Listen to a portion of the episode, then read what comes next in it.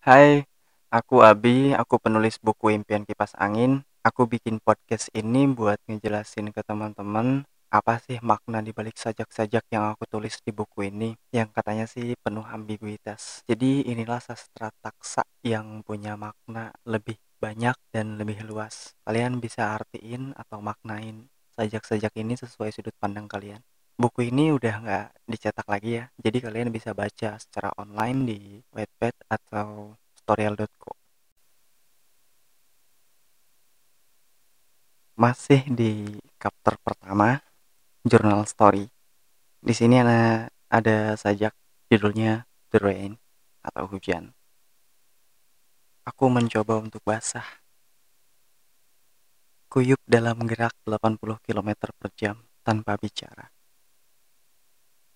Jutaan titik air menikam laksana jarum berlian, menyusup di antara dekapan angin gemuruh marah, dan hingga semua basah meresapi.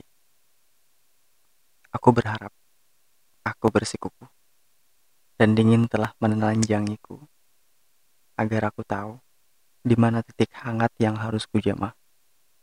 Jadi, kata-kata ini spontan gue buat atau spontan keluar gitu aja ketika gue naik motor dari kota Cirebon ke Kuningan sambil hujan-hujanan dan gue nggak punya jas hujan waktu itu cuman pakai jaket parasit.